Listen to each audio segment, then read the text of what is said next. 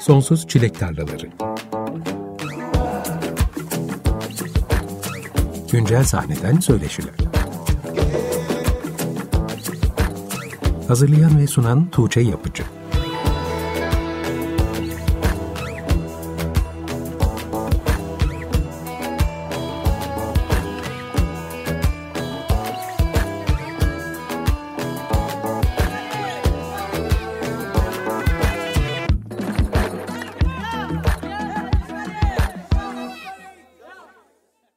95.0 Açık Radyo'da Sonsuz Çilek Tarlaları programından herkese merhaba. Ben Tuğçe Yapıcı. Bu akşamki programa prodüktör, besteci ve bas gitarist kimliğiyle tanıdığımız Alper Sönmez'in Cereyanlı albümünden Hafif Batı Müziği adlı parçayla başladık. Bu parçada Alper Sönmez'e Erik Turufa ve Engin Recepoğulları eşlik ediyor. Cereyanlı Alper Sönmez'in A ve B yüzü olarak iki parça halinde yayınlanan ikinci solo albümü. Cereyanlı A geçtiğimiz Şubat ayında yayınlanmıştı. Ben de daha önce o albümden bir parça çalmıştım ve B yüzü çıkar çıkmaz Alper Sönmez'i sonsuz çilek tarlalarında konuk etmek için sabırsızlandığımı belirtmiştim. Hatta ara birazcık uzayınca acaba hiç beklemeden kendisini programa davet etsem mi diye düşünmedim de değil ama tüm albüm bir bütün halini dinledikten sonra konuşalım istedim. Cereyanlı Bey ise nihayet 21 Mayıs'ta yayınlandı. Hatta albüm çıkmadan önce de albümdeki parçaları ilk kez Didem Gençtürk'ün sabahlık programında Açık Radyo'da duymuş olabilirsiniz. Bugün ise benim beklediğim gün geldi diyebilirim. Alper Sönmez bu akşam bizimle birlikte. Hoş geldiniz. Hoş bulduk. Merhaba. Nasılsınız efendim? Çok iyiyim efendim. Sizler nasılsınız? Ben de iyiyim. Teşekkür ederim. E, girizgahta e, ufak tefek bazı konulara değinmek isterim girizgaha dair. Bu benim esasında cereyanlı total olarak ikinci albümüm. 2011 yılında çıkmış Yazısız diye bir albümüm var.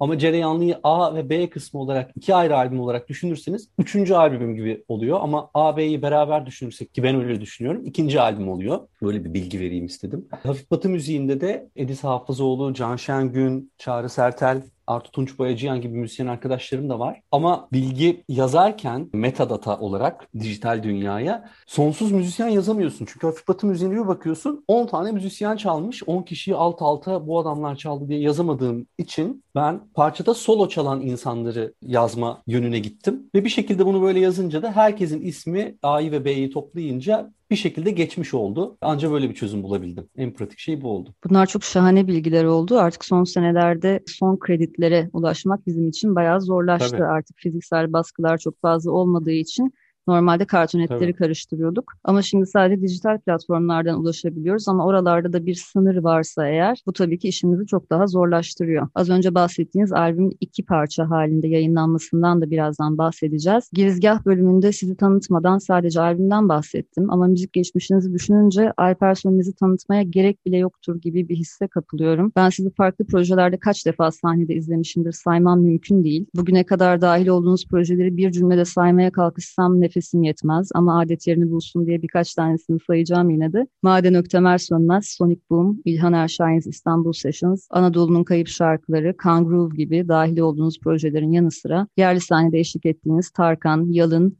Nilkara İbrahimgil gibi isimlerin sahnelerinde de sizi gördük bugüne kadar. Bugün her ne kadar ikinci solo albümümüz Cereyanlı vesilesiyle bir araya gelmiş olsak da diğer projelerinizden de vaktimiz el verdiğince bahsetmeye çalışacağız. Cereyanlı albümü tohumları 2000'lerin başlarında atılan ve 2013 Şubat'ında çok zengin bir müzisyen kadrosuyla kaydedilen bir albüm. İlk olarak bu sorunun gelmesine alışkın olduğunuzu biliyorum ama biz neden 2021'de duyuyoruz bu albümü dilerseniz oradan başlayalım. Tabii. Esasında pazar günü bir canlı yayın yapmıştım Instagram üzerinden. Orada Ediz bir ekleme yaptı. Ediz Hafızoğlu bütün albümde davulları çalan arkadaşım. Biz 2012'nin Eylül'ünde kayıtlara başladık dedi. Yani daha bile erken demek ki. Benim hatırladığım çünkü Şubat, Şubat çünkü yoğun bir kayıt yaptığımızı ben hatırlıyorum. Ee, ama işte üstünden çok uzun zaman geçince hafıza da yanılıyor. Valla bu albümü belli bir zaman aralığına yayarak kaydettim. Çünkü yurt dışından başka müzisyenler var. Kimisi İstanbul'a geldi. İstanbul'a geldiğinde onları yakaladım. Papa D gibi Brooklyn Funk Essentials'ın solisti. İlk parça A'nın ilk parçası Eksik'te şarkı söylüyor. Artu Tunç Boyacıyan keza öyle. Artu'yu ben İstanbul'a geldiğinde bir parça çalması için davet ettim. Ya çok güzelmiş bunlar dedi. Bütün albümü çaldı çıktı bizle beraber canlı. Denk geldi yani. Dolayısıyla belli bir zaman aralığına yayılmış oldu. Ama asıl konu 2013'ün özellikle Mayıs sonunda başlayan gezi olayları, daha sonra devam eden ülke içindeki bütün huzursuzluklar, işte 17-25 Aralıklar, havalimanı olayları falan filan derken ruhen kendime cereyanlıyı yayınlayacak rahat bir dönem bulamadım açıkçası. Çünkü sürekli bir gerginlik, sürekli bir kaos varken bu kadar emek verdiğim bir işi ortaya çıkarmak istemedim ne yalan söyleyeyim. O dönemde de Double Moon yani benim yazısız albümümü çıkartan Double Moon birazcık daha yeni plak çıkarma motivasyonundan geri adım atmıştı. Yeni albüm çıkarmayacaklarını artık duyurdular bana ve diğer sanatçı arkadaşlarıma. Peki dedim. Açıkçası böyle şirket aramak da istemedim. Çünkü bütün bu olayların üstüne bir daha böyle albüm çıkarmak için şirket arayayım. O çabaya girmek de istemedim bir şekilde. Ve araya bazı işler girdi. Dilek Türkan'ın bir albümünü yaptım yardımcı prodüktörlük yaptım. O bayağı bir zamanımı aldı. İstanbul Sessions'ın İstanbul Underground albümü tam araya girdi. Maden Öktemer Sönmez'in ilk albümünün kayıtları başladı. Yani bunlar da çok zaman ve emek alan işler oldu benim için. Ve bir şekilde cereyanlı doğal olarak rafa kalkmış oldu. Ama ne zaman ki artık ya yeter bunun zamanı geldi dedim kendi kendime. Bu sefer de pandemi çıktı bu arada. Yani esasında geçen yıl çıkartacaktım bunu. Geçen yılın Şubat'ında. Bu sefer de pandemi palazlanmaya başlayınca açıkçası yine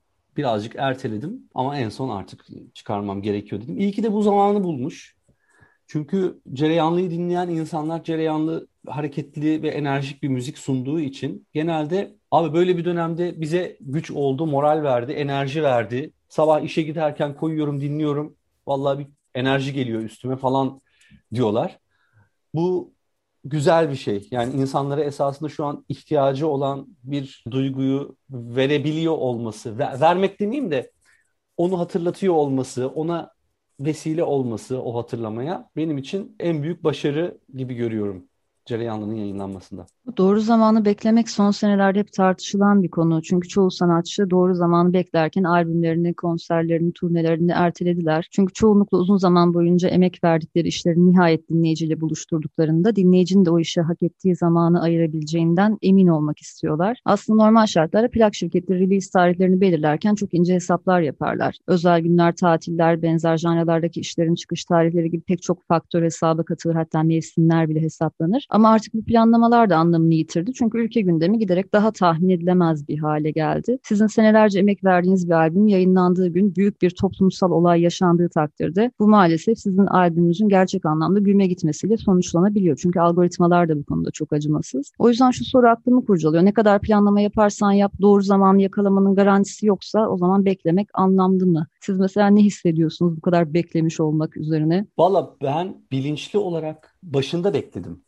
bekleme kararını aldığım zaman gerçekten e, Cereyanlı'yı yayınlama zamanı olan 2013'ün yaz aylarıydı. Daha sonra doğal olarak beklemek zorunda kaldım. Çünkü o enerjiyi de bulamadım araya giren bütün projelerden dolayı. Kendi açımdan bu bekleyişin, bu sürecin işe yaradığını görüyorum. Yani Cereyanlı'nın şu an insanlara bu o taraftan bakınca görmeyi şu an özlediğimiz bir enerji ile geldiğini görüyorum.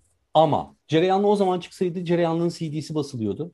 Cereyanlı'nın konserleri çalınıyordu. Belki Cereyanlı'nın bir turnesi yapılıyordu. Şu anda onları yapamıyoruz. Yani CD olarak bu albüm çıkmayacak hiçbir zaman. Belki plak olur ileride bir gün. Belki. Konserleri yapılır mı? Evet bu yaz yapacağız birkaç konser. Doğru.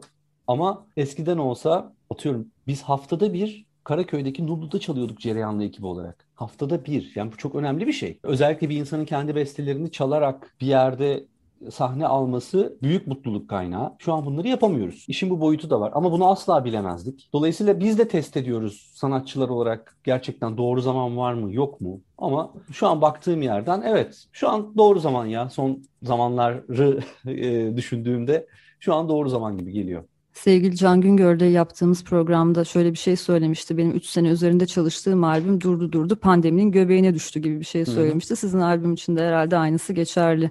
Evet. Albümün %80'i canlı ve birlikte çalınmış. Bu kadar kalabalık bir kadroyla kısa zamanda bir albüm kaydetmek de kolay değil bir araya getirip. Neden kayıtların bu şekilde olmasını tercih ettiniz? Sizce albüme katacağı şey neydi bunun?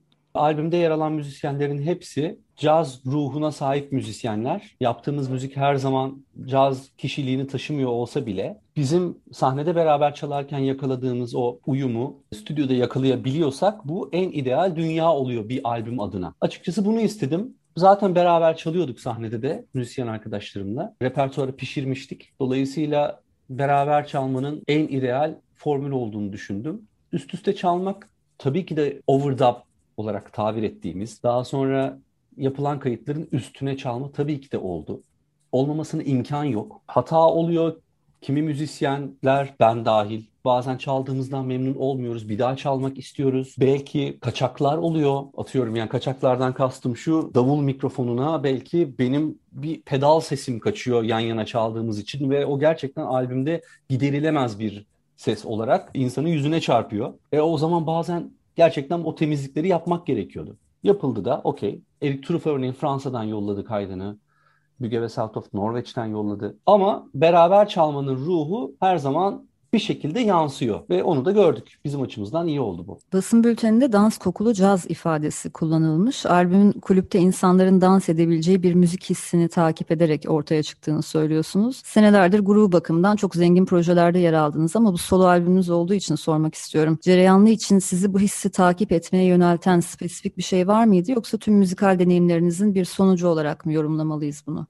Şimdi dans kokulu caz lafını ben buldum. Cereyanlığı lafını bulduğum zamanlarda zaten. Müzik de koku da çok soyut kavramlar. Ama müzik insanın kulağına çalındığı anda bile onun ruh halini değiştirebilecek güce sahip bir sanat dalı. Açıkçası edebiyat her zaman bu, bu olmayabilir. Yani bir romana başladığınızda her zaman 2-3 cümleyi okuduktan sonra ruh haliniz oraya giremiyor olabilir. Ama müzik öyle değil müzikte o insanın ruhuna nüfuz edebilme gücü diğer sanat dallarına göre biraz daha yüksek gibi geliyor bana. Ve koku da öyle. Duyduğumuz bir koku bizi birdenbire 35 yıl önce belki evin salonunda içeride birisi yemek yaparken yaşadığımız bir ana götürebiliyor. Kokuda da böyle aşırı hızlı bir insanı taşıyabilme gücü var. O yüzden dans, kokulu, caz derken bunu birazcık vurgulamaya çalıştım. Dinlediğin anda esasında senin dans etme haline götüren bir müzik olmasını istiyorum. Ufak bir kelime oyunu ama bence birbiriyle örtüşen iki kavramı bir araya getirebildiğini düşünüyorum. Peki programın başında bahsetmiştiniz. Şimdi oraya tekrar dönmek istiyorum. Ben Cereyanlı'dan iki EP olarak değil bir uzun çalar albüm olarak bahsediyorum ama dijital platformlarda şimdilik Cereyanlı A ve Cereyanlı B olarak iki parça halinde yer alıyor. Evet. Tek bir albüm altına toplamayı düşünüyor musunuz yoksa bunları sizin ikinci ve üçüncü albümleriniz gibi mi görmeliyiz? Valla bence ikinci albümüm olarak görmeliyiz. Sizin söylediğiniz doğru esasında. Ama kimi insanlar bunu iki ayrı albüm gibi görüyor. Açıkçası ben bunu birazcık da eski zamanlardaki bir kaset veya plak gibi eski zamanlar diyorum ama esasında plak şu an geri geldi. Kaset de hatta geri geldi. Görüyorum bazı kaset çalarların tekrar üretildiğini. Açıkçası benim ilk müzik dinlemeye başladığım zaman makara bantlar vardı. Yani iyice küçük yaşlarımdan bahsediyorum. O makara bantı takarsın, çevirirsin, onu ona yedirirsin, çevirirsin, biraz dinlersin, sonra arka tarafını çevirir dinlersin. Kaset bunun ufak bir modellemesiydi. Plak zaten hepsinden daha önceydi. Bir albümün iki tarafının olması çok romantik bir şey. Benim çok hoşuma gidiyor ama daha sonra CD gelince başka bir bütünlük algısı oluştu bizde. Peş peşe 8-10 tane parçanın birbirine bağlanması, bu şekilde kurgulanması daha tuhaf bir enerji getirdi. O yüzden Cereyanlı her iki tarafa da birazcık çekilebilecek bir albüm. A yüzündeki. Dördüncü parça bildiğini sandığın şeyler. Albümdeki tek orta tempo kabul edilebilecek yumuşak havadaki parça. Ve ondan sonra gelen parça kaldığımız yerden tekrar albümü o enerjik havayla yürütmeyi hedefleyen bir parça. Ben bunu o zaman tabii CD olarak da basacağımızı düşündüğüm için. Bu arada bir şey söylemem gerekiyor. Cereyanlıyı yaparken ben A ve B yüzü olarak e, kurgulamamıştım. CD olarak kurguladım. Çünkü o zaman CD satılıyordu. Ama şunu düşünmüştüm. Yani bir gün plak olarak basılırsa A ve B yüzü olarak zaten bunu böyle bölerim. İlk dört şarkı böyle A yüzü olur, ikinci dört şarkı B yüzü olur diye düşünmüştüm. Ama hayat bizi öyle bir yere getirdi ki albüm zaten öyle yayınlanmış oldu. Dolayısıyla o bildiğini sandığın şeylerden kaldığımız yerdene geçerken bir sokak sesi var. Yani o zaten esasında CD içinde olsaydı birleşen bir şekilde süre gidiyor olacaktı. Öyle olmadı ama Öyle oldu. O da güzel oldu. Tabii işin dinleyiciler tarafından çok düşünülmeyen bir yanı bu da. Bir albümdeki parçaların sıralanması, A ve B yüzüne ayrılması. Siz albümü ikiye bölerken bu iki EP'nin kendi içlerinde nasıl bir bütünlük gözettiniz? Zordur herhalde onu bölmek. Evet zor. Açıkçası birazcık ben parçaların genel atmosferi üzerinden değerlendiriyorum. Benim ilk gençliğim dediğim, müzik dinlediğim zamanlarda genelde albümün ikinci parçası albümün en güçlü, en kulağa hitap edecek, seyirciyi hemen yakalayacak parçası oluyordu. Atıyorum Bon Jovi'nin Slippery When Wet albümündeki ikinci parça e, You Give Love a Bad Name'dir. Atıyorum. O dönem öyle bir şey var. Guns N' Roses Appetite for Destruction'da Sweet Child of Mine'dır. Ama birinci şarkı da çok önemlidir. Şimdi e, birinci şarkıyı Cereyanlı'da daha genel bir çerçeveyi çizen parça olarak düşündüm. İkinci parça da hafif batı müziği. Bence albümdeki en dans kokulu caz havasına uygun olan o çerçeveyi çizen parça da o. O yüzden ikinci parça olarak onu düşündüm. Yani çocukluğumdan esasında benim aklımda kalan bir dünyaya gönderme yapıyorum orada. Söylediğim gibi dört dört gibi düşündüğümde de bildiğini sandığın şey, şeyler gibi orta tempo bir parçayı sonlara atmaktansa ortada tutup daha sonra son dört parçada yine yükselerek bitirmek istedim. Bu arada orada da bir şey eklemek istiyorum. Ee, bildiğini sandığın şeylerin sonunda bir sokak sesi gelir. O sokak sesi yavaşça bizim fade out tabir ettiğimiz silinerek gidiyor. Cereyanlı beynin başında kaldığımız yerden de pat diye giriyor. Esasında orada bildiğini sandığın şeylerin sonunda insanları yemek yediği, atıyorum Asmalı Mescid'in işte 2010'lardaki hali gibi insanların eğlendiği bir sokak halinden birdenbire heyecanlı bir müziğe giriyor olmasını düşünmüştüm. Bir gün Bomontia'da otururken sokakta taksiler birbirine girdi. O ona bağırıyor, kornalar havalarda uçuşuyor falan. Telefonu çıkardım ve bunu kaydettim. O sırada taksicinin biri kapıyı açtı çıktı. Hadi abi, hadi abi, hadi dedi. Ve ben bildiğini sandığın şeylerin sonuna bunu koydum esasında.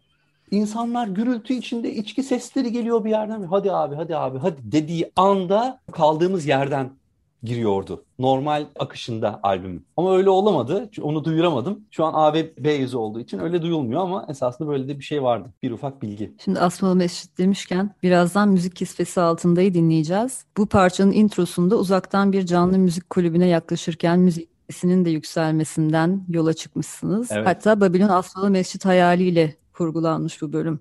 Evet. Babilon Asmalı Mescid'de hepimizin, bütün müzisyen arkadaşlarımın, ben de dahil olmak üzere çok güzel zamanları geçti. İkon mekanlardandır. Sadece bence İstanbul veya Türkiye için değil, inanın bana Babilon dünya çapında bir kulüptür, kulüptü ve kulüptür. Şahane müzikler dinledik onlar sayesinde. Tabii Asmalı Mescid'in o dönemine ve o dönemi yaşayan insanların her zaman bir özlemi var. E, yapacak bir şey yok. Dönemler değişiyor ama orada müzik dinleyerek kendisini yetiştiren pek çok müzisyen de oldu, dinleyici de oldu. Başka hiçbir yerde dinleyemediğimiz, ulaşamadığımız müziğe Babylon sayesinde ulaştık. Buradan tekrar Cemiye Gül'e Ahmet Uluğa, Mehmet Uluğa tüm pozitif tayfasına teşekkür ediyorum. Evet ben de bahsettiğiniz dinleyicilerden biriyim. Neyse ki yaşım izin verdi de orada onlarca belki yüzlerce konser izleyebildim. Babilon'un aylık programını alıp ders gibi çalışırdım. Aynen, ben Bilmediğim de. isimleri oturup dinlerdim. Oradan keşfederdim. Sonra konserlere giderdim. Ve herhangi birinin konserine gitmek için tanımam veya tanımamam önemli bir faktör değildi benim için. Gözüm kapalı Babilon'daki herhangi bir konsere çıkıp gidebilirdim. Ve hiçbir zaman Doğru. pişman olmayacağını bilirsin. Bir mekanın bir dinleyiciye bu güveni verebiliyor olması zaten inanılmaz bir şey. Doğru. O zaman şimdi müzik kisvesi altında dinleyelim mi? Ne dersiniz? Tabii. Parçaya dair söylemek istediğiniz bir şey var mı ayrıca? Parçaya dair söylemek istediğim tek şey olabilir. O da esasında yok ya parça kendisini anlatıyor. Niye ben bir şey diyeyim? Bu benim albümde solo çaldığım tek şarkı. Geçenlerde ona dair bir mesaj aldım bir yerden. Ona istinaden de hatta bir yazı yazmıştım e, fotoğrafın altına. Ben müzisyenlerin, enstrümanistlerin kendi albümlerinde illa her şarkıda solo çalması gerektiğini düşünmüyorum. Parça neyi gerektiriyorsa olmalı. Açıkçası ben o şarkıyı dinlerken basçıyım evet ama bir bas solo istiyor muyum gerçekten ya? Bak bakıyorum istiyorsa çalıyorum evet. Ama istemiyorsa ya ben bu şarkıda trompet duyuyorum. Trompet solo olması lazım bu şarkıda. Bir bas solo bu, bu parçaya yakışmayacak diyorum bazen. Ve o yaklaşımla yap, yapmaya çalışıyorum bütün parçaları. Bazı insanlara bu ters geliyor. Çünkü onların kafasında bir basçı albüm yapıyorsa melodiyi de bas ile çalmalı. Her parçada bir bas solosu olmalı. Ben böyle düşünmüyorum. Böyle de hissetmiyorum açıkçası. Enstrümanın da biraz öyle bir enstrüman olduğu için böyle tabii. Atıyorum bir gitarist albümü olsa her parçada belki solo çalmak evet doğru ama bas solosu biraz daha farklı bir konu. Cereyanlı gibi çok hareketli bir albümde her parçaya ben yakıştıramadım bas solosunu. O yüzden bir tane şarkıda çaldım. Böyle olduğu için de memnunum valla. O da bu şarkı. o da bu şarkı. O zaman şimdi Alper Sönmez'in Cereyanlı albümünün 21 Mayıs'ta yayınlanan B yüzünde yer alan Müzik Kisvesi altında adlı parçayı dinleyelim ardından sohbetimize devam edeceğiz.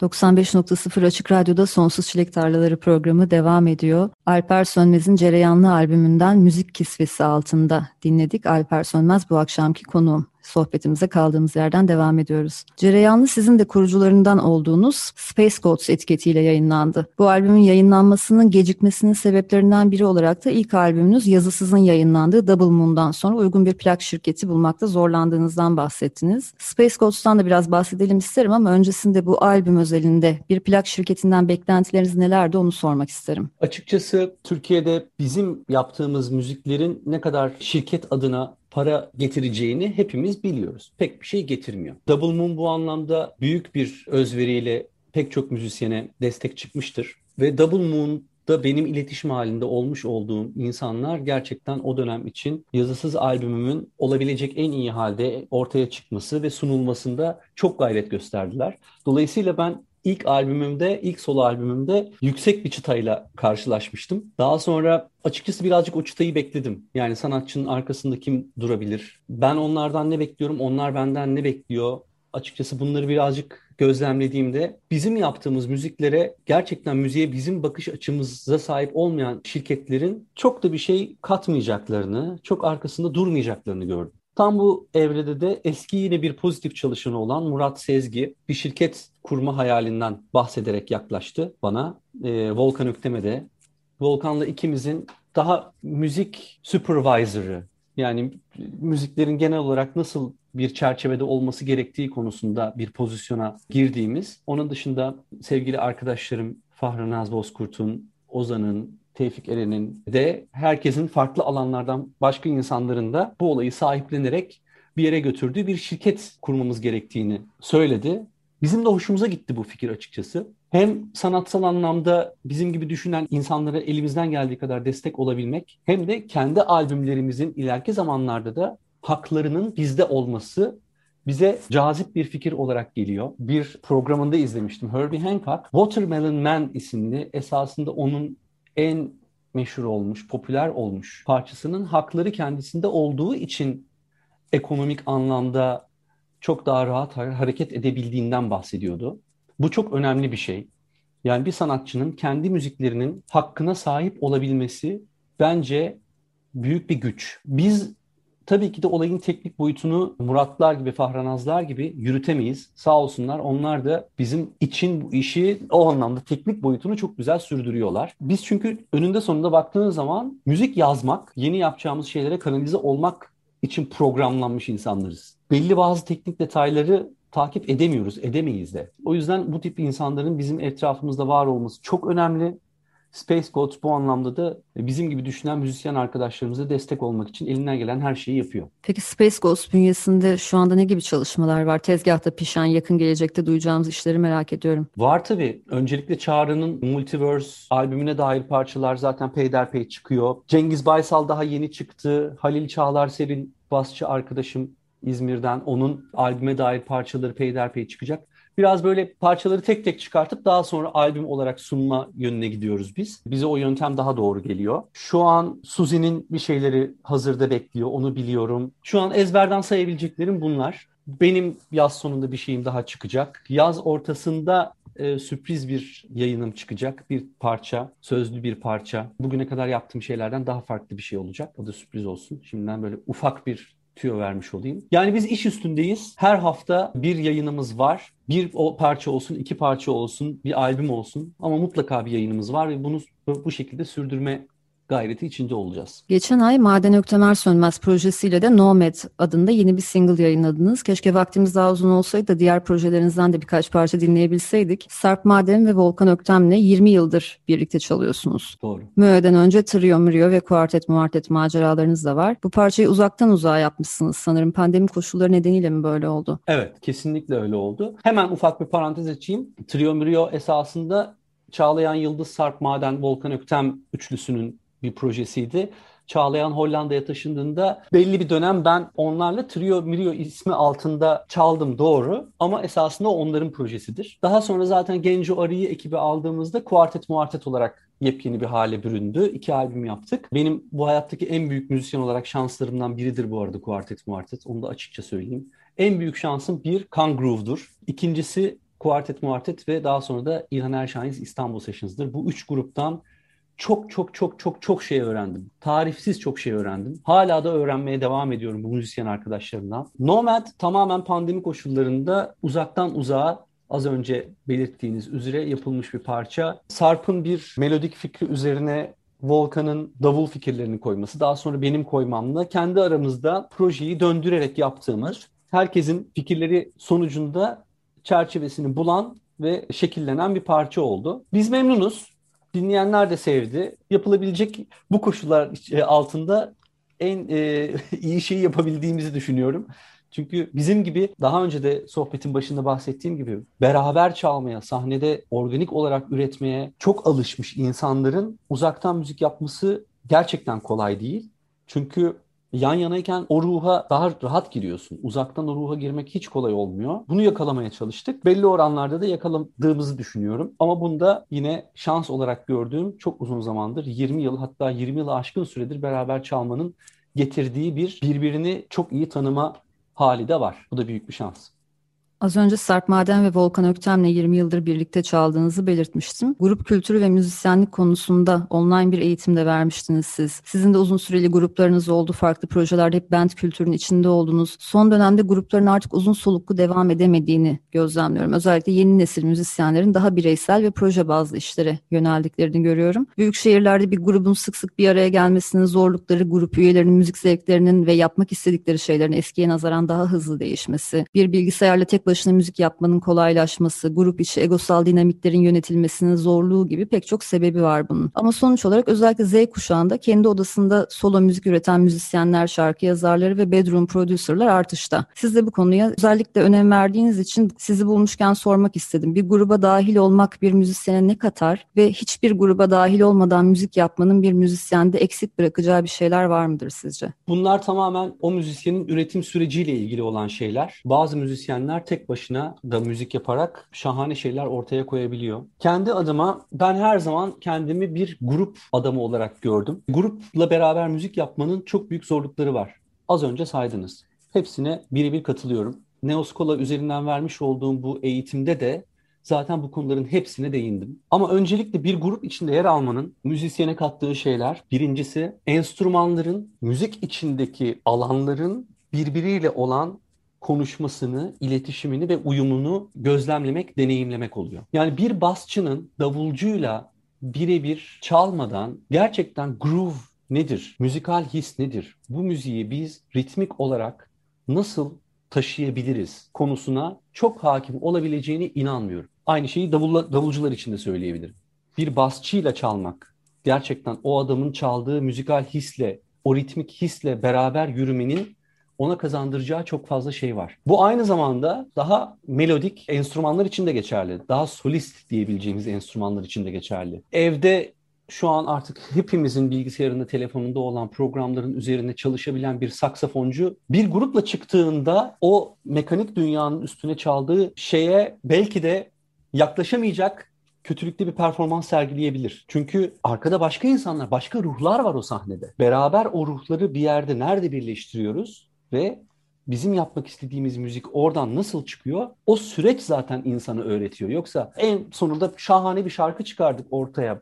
Bu evet ideal dünya ama o süreç asıl bizi ilerleten, gerileten, tökezleten, sanatı şahikaya çıkaran veya yerin dibine geçiren şey oluyor. Özellikle genç arkadaşlarım bana tavsiyeler sorduğunda ilk söylediğim şey hemen grup kurun oluyor. Grup kur, hemen grup kur. Kim varsa kim İyi olsun senden, kötü olsun hiç fark etmez. Bunları böyle böyle test ediyoruz çünkü. Bu anlamda bizim gibi müzisyenler için de yani artık belli bir deneyim kazanmış müzisyenler için de jam session'lar çok önemli.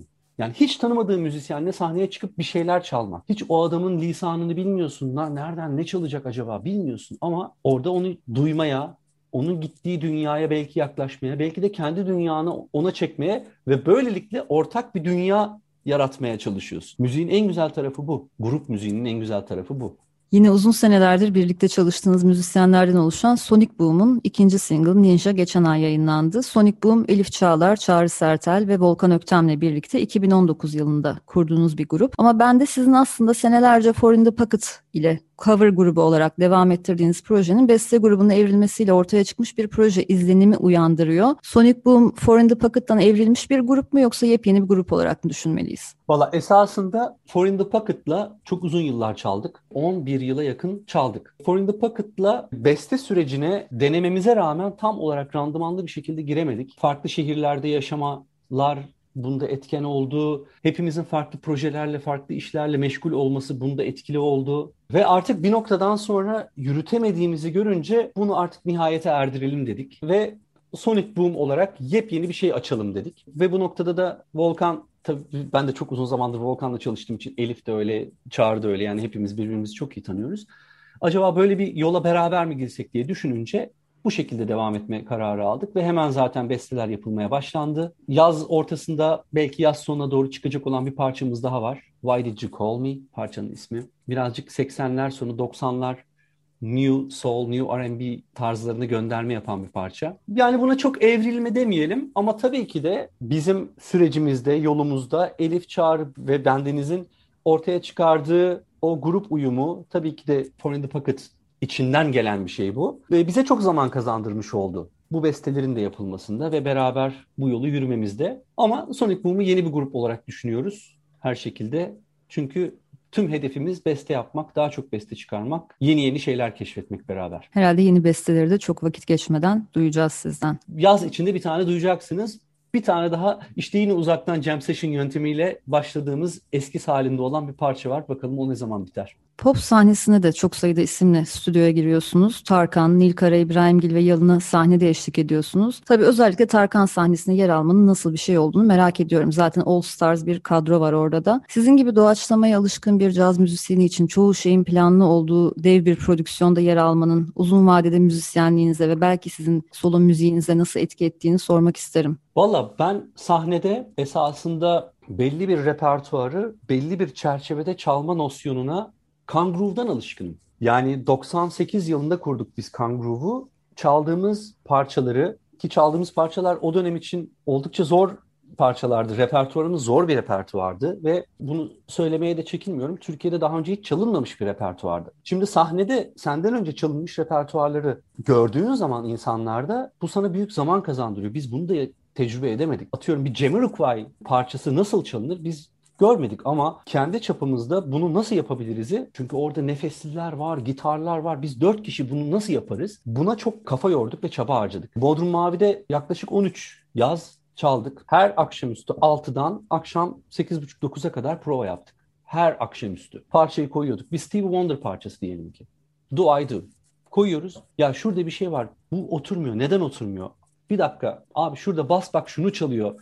Bir dakika öyle mi çalıyor? Yani tartışmalar oluyor ama herkes birbirini itiyor, çekiyor. O şarkıyı o haliyle, en güzel haliyle nasıl çıkartırız? Buna çok çaba harcadık biz. Dolayısıyla tak hemen e, Tarkan sahnesine geliyorum. O şarkıyı en güzel haliyle nasıl çıkartırız? Zaten ekipteki bütün arkadaşlarımın profesyonelliği burada bize çok büyük bir artı 10 puan sağlıyor. Herkes ne yapacağını çok iyi biliyor. Yani burada doğaçlamadan ziyade artık yeni bir şeyler deneyeyim, ben buraya yorum katayım. Buna gerek yok. Zaten o şarkı en güzel haliyle böyle çıkıyor. Ha öyle şeyler geliyor ki çok büyük hitlerden unutmamalı. Sahnede çalarken bazen provalarda, bazen soundchecklerde bir fikir geliyor. Hadi bakalım bunu bu şekilde çalalım diyoruz. Ama bazı şarkılarda diyemiyoruz. Çünkü şarkı o haliyle zaten yürüyor o haliyle zaten güzel var oluyor. Orada hiç kimse yalnız şuraya ben bir tane numara koyayım da şurada şöyle de hiç kimse bunu demiyor. Demezdi. Çünkü şarkı öyle güzel. Bir diğer noktada orada çok büyük bir show çalıyoruz biz. Şimdi bir canlı müzik kulübünde çaldığın işte orada da bir show çalıyorsun ama orada biraz daha özgürsün bireysel anlamda müzisyen olarak. Bazı ufak tefek şeyleri yapabiliyorsun sahnedeki o uyum içinde heyecan belki bazı bölümleri uzatıyorsun, bazı bölümleri kısa tutuyorsun içinden geliyor. Albümde yapmadığın o bölümde belki bir bas solo çalıyorsun. Evet bunlar oluyor ama diğer tarafta çok fazla sürprize yer yok. Çünkü o şarkılar öyle sevilmiş. Öyle dinleniyor. Güzel bir yer bulmuş kendine. O şekilde çalmak lazım. O yüzden bu anlamda ben de o sahnelerde yalan, yer alan müzisyen arkadaşlarımda bir zorluk çekmiyor. Müziğin en güzel olduğu hal neyse onu o şekilde çalmaya gayret ediyoruz. Çok kanguru dediniz. Kanguru benim de müzik zevkimin şekillenmesine çok etkili olmuş. Defalarca canlı izlediğim gruplardan biridir. Ne güzel. Ama şimdi böyle çok duygusallaşmak istemiyorum. Vaktimiz de az kaldı. O yüzden programın sonuna yaklaşırken Cereyanlı'ya geri dönmek istiyorum. Bildiğim kadarıyla önümüzdeki yaz için konfirme olmuş birkaç konser var. Henüz açıklamak mümkün mü bilmiyorum. Doğru. Ama belki Cereyanlı'yı sahnede izlemek için sabırsızlanan dinleyicilerimiz için bu konserlere dair bir iki tüyo vermek de güzel olur. Ben tarihleri söyleyeyim. Peki olmuyorsa da bizden kaynaklanan şeyler değildir. Çünkü çok ekstrem dönemlerde yaşıyoruz. Herkesin de eğer olmazsa ki hiç öyle düşünmeyelim ama eğer olmazsa anlayışla karşılayacağını düşünüyorum. 23 Haziran Nilüfer Caz tatilinde Cereyanlı konseri çalıyoruz. 20-21-22 Ağustos inşallah Bozcaada Caz Festival yapılıyor. Bu üç günden birinde de Cereyanlı olarak sahne alacağız ve bir günde de Sonic Boom olarak yer alacağız. Bu arada 18 Haziran'da da yine Sonic Boom olarak Nilüfer Caz tatilinde Bursa'da sahne alıyoruz. Yaz içinde belki başka konserler olur. İlhan gelecek. İstanbul Sessions bir şeyler çalacağız. Onu biliyorum. Şu an onların tarihlerini çok net söyleyemem. Ama hepimiz bekliyoruz. Hepimiz çok hevesliyiz. Çok özledik. Seyirci de çok özledi. Biz de çok özledik. Müziğimizi sunmak istiyoruz. İnsanlar da müziğimizi inşallah gelenler dinlemek istiyor. Bakalım yakın vadede buluşmak ümidiyle diyelim. Pandemi öncesinde her programın sonunda konser haberleri verirdik. Bu çok olağan bir şeydi bizim için ama bayağı özlemişim ben de konser haberi vermek buradan şahane bir şey şu an. Programın başında da bahsettiğimiz gibi Cereyan'da çok zengin bir müzisyen kadrosu var ama albüm sahneye taşırken albümdeki kadroyla taşımak mümkün olmayacaktır elbette. Doğru. Cereyanlı'yı sahnede icra edecek ekip netleşti mi? Kimleri göreceğiz konserlerde? Uzun zamandır zaten aynı ekip çalıyoruz. Davulda Edis Hafızoğlu, tuşlu çalgılarda Çağrı Sertel, tenor saksafonda Engin Recepoğulları, trompette Barış Doğukan yazıcı. Eskiden Bulut Gülen de trombonla bizimle beraberdi. Sonra Boston'a yerleştikten sonra bizimle beraber olamamaya başladı ne yazık ki. Şu an bu beş kişi olarak çalıyoruz. Ama tabii ki de bilgisayar altyapısı var. Cereyanlı'nın zaten içeriğinde bu var. İlk çaldığımız zamandan biri. Çünkü Cereyanlı'yı ben kurgularken bir eski bir eski demeyeyim ama bir analog synthesizer'ım var. Onu programlayarak bazı altyapılar yazmıştım. Onları sahnede kullanıyoruz. Ve albümdeki bazı şeyleri ben bugüne kadar albüm çıkmamış olduğu için koymamıştım bu projelerin içine. Şimdi artık çıktığı için onları da sahnede koyacağız, dinleteceğiz. Umarım bu konserlerden en azından birinde denk gelebiliriz, canlı izleyebiliriz. Umarım. Bu haftalık da Sonsuz Çilek Tarlalarının sonuna geldik. Son olarak size Alper Sönmez'in Cereyanlı albümünden Kolay adlı parçayla veda edeceğiz. Hem bu parçaya dair anlatmak istediklerinizi hem de sizden kapanış için bir son söz alabiliriz bence. Kolay parçası nefeslerin kendi içinde kontrpuan tekniğiyle çaldığı bir melodiye sahip. Ama şarkının asıl güzel sürprizi sevgili Sibel Gürsoy şahane sesiyle şahane şeyler kattı. Sibel'i stüdyoya çağırdığında hiç çekinmeden, hiç düşünmeden hemen geliyorum dedi ve geldi. Ondan özellikle ben birazcık daha yanık, daha Balkanlar tarzında bir vokal tarzıyla söylemesini rica etmiştim. Çok çok çok çok çok çok çok çok güzel söyledi. Zaten sesi tarifsiz güzeldir Sibelciğimizin. Ortaya güzel bir şey çıktı diye düşünüyorum. Bu arada yani albüme dair mixi yapan Alen Konakoğlu, mastering yapan Evren Göknar, kapak fotoğrafını çeken Cem Gültepe ki bu kapak planını ben ta 2013'te kurgulamıştım. Ama kısmet bu zamana çekmekmiş. Çok da güzel çekti. Bütün tasarımı yapan Gümrah Şengün, bu arkadaşlarımı da anmadan geçemeyeceğim. Hepsine çok çok teşekkür ediyorum. Emeği geçen daha çok insan var ama şu an artık zamanımız da kısıtlı. Biz de size bu güzel albüm için teşekkür ediyoruz ve emeği geçen herkesi de tebrik edelim buradan. Gelecek hafta konuğum Açık Radyo dinleyicilerinin de çok yakından tanıdığı bir isim. Barıştık mı projesiyle ve çok sayıda sanatçıyla yaptığı işbirlikleriyle son derece üretken bir müzisyen olarak tanıdığımız Barış Demirel bir süredir solo parçalarını yayınlıyordu. Bu cuma Mutluluklar adlı ilk solo albümünü yayınlayacak. Gelecek pazartesi Barış Demirel'le hasret gidereceğiz dinleyeceğiz. Hem albümden bir seçki dinleyeceğiz hem de görüşmediğimiz zamanlarda boş durmadığını biliyorum. Bize anlatacağı, üzerinde çalıştığı çok sayıda yeni projesi olduğunu eminim. Gelecek pazartesi yine saat 20'de görüşünceye kadar hoşçakalın. Bizden sonra Vertigo programını dinlemeyi ihmal etmeyin.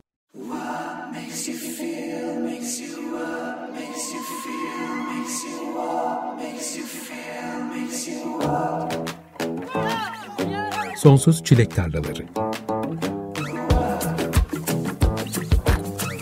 Güncel sahneden söyleşiler. Hazırlayan ve sunan Tuğçe Yapıcı.